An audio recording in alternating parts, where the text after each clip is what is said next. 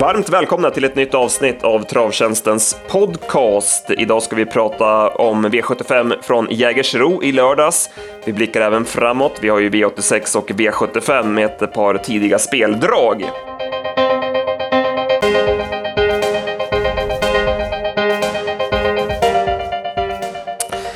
Mitt namn är Andreas Henriksson, med mig har jag Jakob Eriksson. Jakob, du jobbade för oss i helgen och vi börjar direkt med Jägersro och V75s första avdelning, Johan Jakobssons minne och det här loppet avgjordes från start. Ja, precis. Vi var inne på det också. att den av två och sex som skulle hitta till ledningen trodde vi skulle bli väldigt svårslagna. Vi hade väl favorit på att sex Pickleback Face skulle ta sig till ledningen ensam från springspår. Och, ja, Nilix liksom är ju stor och från snävt spår så trodde man ju att Berg skulle vara före men eh, han var aldrig nära så det vart Adrian till ledningen och eh, där förstod man att Nilix liksom skulle bli väldigt svårslagen. Ja, han skötte det snyggt Adrian och eh, i ledningen så är han ju väldigt svår att slå. Det är ju bra styrka och härligt driv i den här Raja Mirici-sonen. Eh, jag har ju plussat för honom tidigare i podden att han kommer bli bra och eh, han, han blir spännande nästa säsong. Jag hade 12,5 sista varvet här och då gavs ju inte Spickleback Face en chans att utmana. Nej, precis. Spickleback Face var ju, han höll ju bra som två. Han kanske inte var som bäst, men, men eh, att slå Nilix sådär utvändigt, det är nog inte så många som klarar av. Deimos Racing fick ju loppet i rygg på Spickleback Face, men han var ju blek, så att jag skulle väl gissa på att man gör bokslut där för, för den här säsongen. Ja, precis. Det var ju känslan. Han var ju blek. Ja, han slogs av Ryan Face gången innan, han var väl lite sjuk där och, och ja, han var inte speciellt bra den här gången heller. Så det har varit en lång säsong, så det är nog som du säger, att det är nog lite vila som väntar där. Racing Mange fick ju gå för tidigt, men han slocknade ju ändå alldeles för mycket, så det var väl inget eh, extra bakom, även om Nilix var fin. Sen går vi till eh, lägsta klassen och ja, det var svårt att tro att det var lägsta klassen med tanke på vilket intryck det var på vinnande och ledande Man of Steel när han drog på i stenhårt tempo. Ja, det var, eh, det var väl lördagens höjdpunkt tycker jag. Han, han öppnade 08 första fem och 10-7 på varvet. Och, och, ja, det, var, det var häftigt alltså. Det var, vi anade att det skulle bli, bli eh, härlig ändring på de där ja, halvstängda och biken och det vart det verkligen. Så att, eh, han bara blåste till spets och sen var han helt överlägsen så det var, det var häftigt. Mm. Han blev lite för pigg med det där halvstängda huvudlaget och konstrade ju en del upp, upp till bilen och blev ju lite pigg i loppet också så det var som du skrev i eftersnacket där att eh, det halvstängda sitter nog inte på i finalen sen. Nej, exakt. Och man hörde ju Stefan efteråt att han var ju lite sådär precis innan han, han ja, återberättade att han tänkte att eh, vad, vad fasen satte jag på det här halslängden för. Så att, eh, det känns nog att det blir öppet i finalen så då får man ju se. Han lär väl bli stor favorit där så får man väl se om behandlar honom då. Mm. Ja, en eh, fin reklamhäst för Stefan Persson och mycket surr kring hästen med tanke på ägarkretsar och, och så vidare. Så att, eh, nej, bra, bra, eh, bra vinnare, absolut.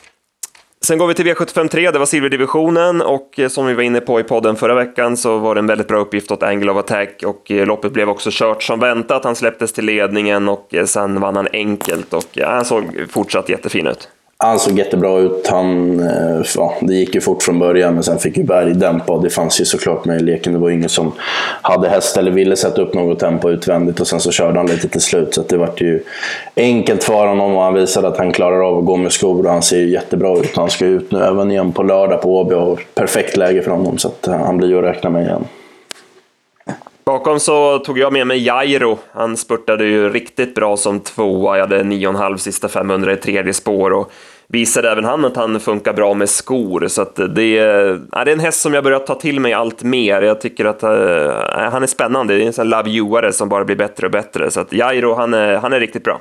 Jag är bra. Trinity Lux varit kvar med lite sparat. Det är också en häst som är, eh, han var ny, ny i klassen men, men han har sett bättre och bättre ut på slutet. Han satt fast gången innan på Bjerke så att han känns också spännande att, att uh, följa upp. Sen går vi till svensk uppfödningslöpning och eh, det blev en uppvisning av Global Welcome som vann utvändigt och det är en riktigt rejäl sort det här. Ja, han är, han är häftig och det driver väldigt bra för honom. Så att, eh, han fick döden så det fanns väl också med, eller det stod väl nästan i programmet. Det var väl om ett skulle hålla upp. Det var ett bra snack på honom att han hade testat bilen och var väldigt snabb. Men eh, ja, han var chanslös på det och Global Welcome fick göra jobbet utvändigt om favoriten, men han var ju bara bäst. Så att, eh, väldigt imponerande av honom och eh, ja, han, han är bra. Man måste också imponeras av Svante Båt och eh, hans team. Eh, Atraversiamo spurtade in som tvåa, så att man tog, in, tog en dubbel här. Och, ja, det är två riktigt fina hästar där som, som man har i stallet. Eh, favori, eller var han favorit, Smoking Joe? Han var ja, i alla fall hårt betrodd. Ja, han vart favorit. Eller han var väl favorit hela tiden, men han sjönk ju. Men, men han var favorit vid spelstopp. Ja, han var blek från spets i alla fall, kan vi ju säga. Ja, exakt. Han var ju så, så het, men, men det var inne på det. Det är väl möjligt att det påverkar, men det ja, han var ju alldeles för blek. Han har ju gjort bättre tidigare, så att han sa det. Det var ju hans klart sämsta start eh, hittills i karriären. Så att, kanske att det inte stod helt rätt till, men, men eh, ja, han var ju en besvikelse. Sen går vi till V75 5 och det blev Demolition Man F som tog sig till ledningen efter en bit och det var ju jänkarvagn och eh, Peter Untersteiner upp och det gav verkligen bra effekt. Han vann eh, säkert från spets. Ja, precis. Han, eh, det var ju spännande ändringar på honom. Sen att han skulle komma till ledningen var ju inte någon favorit på. Vi hade ju ett Fidogo UR skulle i sin tur släppa till Platon Face, men Platon Face var på tok för het och han galopperade och även Fidogo UR galopperade. Då kunde Peter passa på att köra sig till ledningen och eh, ja, loppet var inte det bästa. Så att, eh, och, och Demolition Man var väldigt fin form och sen så slog ändringarna ut så att eh, ja, han vann enkelt. Att prata om Face skulle göra bort sig var inte så eh, oväntat med tanke på att han var väldigt pigg i värmningen och Ludde gav ju också avslag efter värmningen, att han var alldeles för stressad. Så att det, eh, det visade sig vara samma sak även i loppet. Yes. Eh, han fick ju sen ett tufft upplägg. Adrian körde fram utvändigt ledaren och sen när han drog tussarna i sista sväng så blev det ny galopp. Och ja, det är lite allt eller inget för Platon Face del. Ja, exakt. Men eh, man har ju trott att han har börjat mm, mogna till sig. Han har ju varit fin. Nu funkar han inte på banan på Eskils senast, men men eh, i de två starterna innan på Jägers har han ju varit alldeles lugn och jättefin sådär. Men nu var det ju lite av den gamla Platon igen, så att han är ju fortsatt väldigt svårbedömd. Showman Brodde galopperade in på upploppet, eh, hade kunnat gå i närkamp kanske med vinnaren eh, felfri, men han eh, rullade över och ja, då var det ganska säkert för Demolition Man. Det var ganska billigt bakom. Även om det var en häst som du tog med dig bakom. Ja, Wing Erik han, han fick ett passivt upplägg av Stefan, men, men när det väl löste sig så såg han pigg och fin ut igen. Så han, han har ju verkligen toppform och, och visar att skor inte var något problem. Och han är en annan som ska ut nu på, på lördag på, på Åby i eh, avdelning 1, spår 3 i volten. Så att, eh, det såg väl ut att vara en ganska lämplig uppgift. Han lär nog bli väldigt betrodd också, men, men eh, han ska nog räknas absolut. Sen går vi till bronsdivisionen och eh, loppet blev lite annorlunda kört än vad man kanske hade trott på förhand. Det blev en del galopper från början och Marciano lyckades komma igenom från bakspår och kunde köra sig till spets efter första sväng. Eh, Chuan som vann loppet tog sig en kort startgalopp, eh, sen gick han med varvet kvar och eh, han höll farten bäst eh, över upploppet. Jag hade 13,7 sista varvet så det blev ganska billigt åt honom. Eh, det var flera som underpresterade i, det här loppet. Ja, precis. Det var många som inte var... Jag tyckte Sobel trots att han fick göra lite jobb, så var ju han knappast som, som bäst och sen var det lite märkligt kört. Men, men det är som du säger, Juan var den som lyckades hålla farten hela vägen och det var ju det han vann loppet på. Ja, han, ingen, ingen skugga över honom. Han vann med galopp så att han, var, han var bra. Ackerman var väl den vi tog med oss bakom. Han eh, såg ju fin ut efter sent eh, fritt. Ja, verkligen. Han, det är en annan som har formen på topp. Han borde få vinna lopp snart. Är, han står på tur. Sen avslutar vi med eh, Meadow Profits minne och det blev eh, hemmaseger. Dante Bocco från ledningen. Han fick bestämma tempot 14.04 första varvet och då går det ju inte att slå honom. Nej, exakt. Det kändes som att man spolade upp en repris på, på Jägers V75-loppet som var näst senast. Det var det var ledning och sen hände absolut ingenting. Det var ett sömnpiller och Dante Bocco i spets som får bestämma. Den, han är ju väldigt svårslagen och det vart, det vart ju hur enkelt som helst. Cruzado de la Noche körde sig fram i dödens varvet kvar, men var ju helt chanslös att utmana. Eh, Kite Griff, som vi trodde på, eh, körde Örjan lite passivt med. Han eh, gick invändigt där 500 kvar när Shadow Woodland stannade i andra spår och eh, så kom han längst ut i banan och spurtade in som två. Så att han gick bra, men som loppet blev kört så var han ju aldrig med chans. Nej, exakt. Så det var...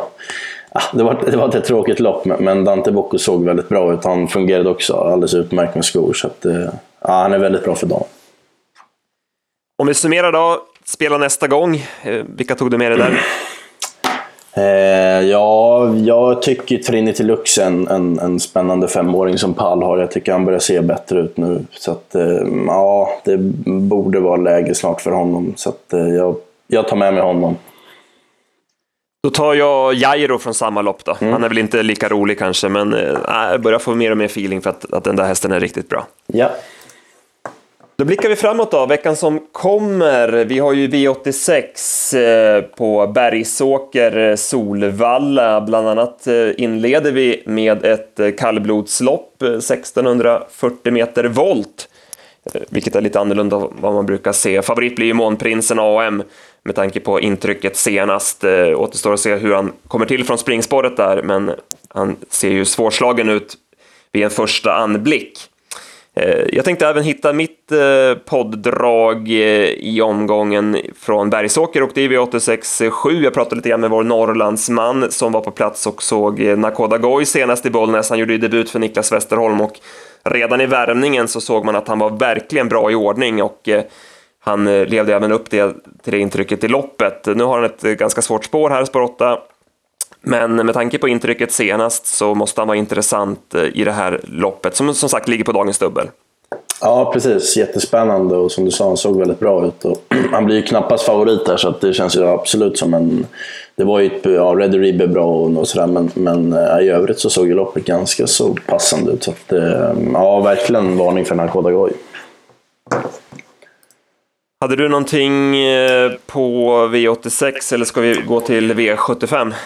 Ja, vi, vi hoppar över till V75 tycker jag. Mm. Eh, vi börjar kolla listorna lite kort, lite snabbt här och eh, jag pratade lite grann med P.A. Johansson också, vår kollega som har börjat kolla lite grann och han var lite inne på Pastor Power som ju hade vilat lite inför senast, gjorde ett bra lopp då bakom Dom Perignon. Eh, var fin vid eh, segern på Mantorp också och såg ut att ha en intressant uppgift. Så att eh, Pastor Power är väl ett eh, podddrag så här i början av veckan i V75 5 från spår nummer 3. Ja, och även där så, så Ja, vi, vi satt och diskuterade det lite innan hur, hur det blir spelat, men, men eh, Goops lär dra, dra en del streck och även Veijo, så det, det, känns som att det kan bli ganska så jämnt på sträcken där, så att, eh, han känns absolut intressant med ett lopp i kroppen. Så är det. Sen hade vi nämnt där Angle of Attack och Wingate eh, Erik eh, som eh, vettiga vinnare där. Vi får väl se lite grann hur, hur det blir sträckat här framöver i veckan. Ja. Sen måste vi också påminna alla om att eh, tävla i vår julkalender. Vi har ju som vanligt, som vi brukar ha varje år, eh, Travhjulen, eh, travhjulen.se, där man kan gå in och tävla om krediter att köpa tips för på vår sajt. Så att, är man nyfiken på våra tips så gå in och tävla om krediter alltså på travhjulen.se. Vi öppnar en ny lucka varje dag där i vår julkalender så att den tävlingen måste vi pusha lite extra för. Annars nöjer vi oss så för den här veckan, Jakob. Ja, exakt. Nu är det bara in, in i arkivet igen och, och kämpa inför den här veckan som kommer. Så, så ska vi nog kunna hitta rätt. Vi säger så. Ha det bra allihopa. Hej, hej. Hej då.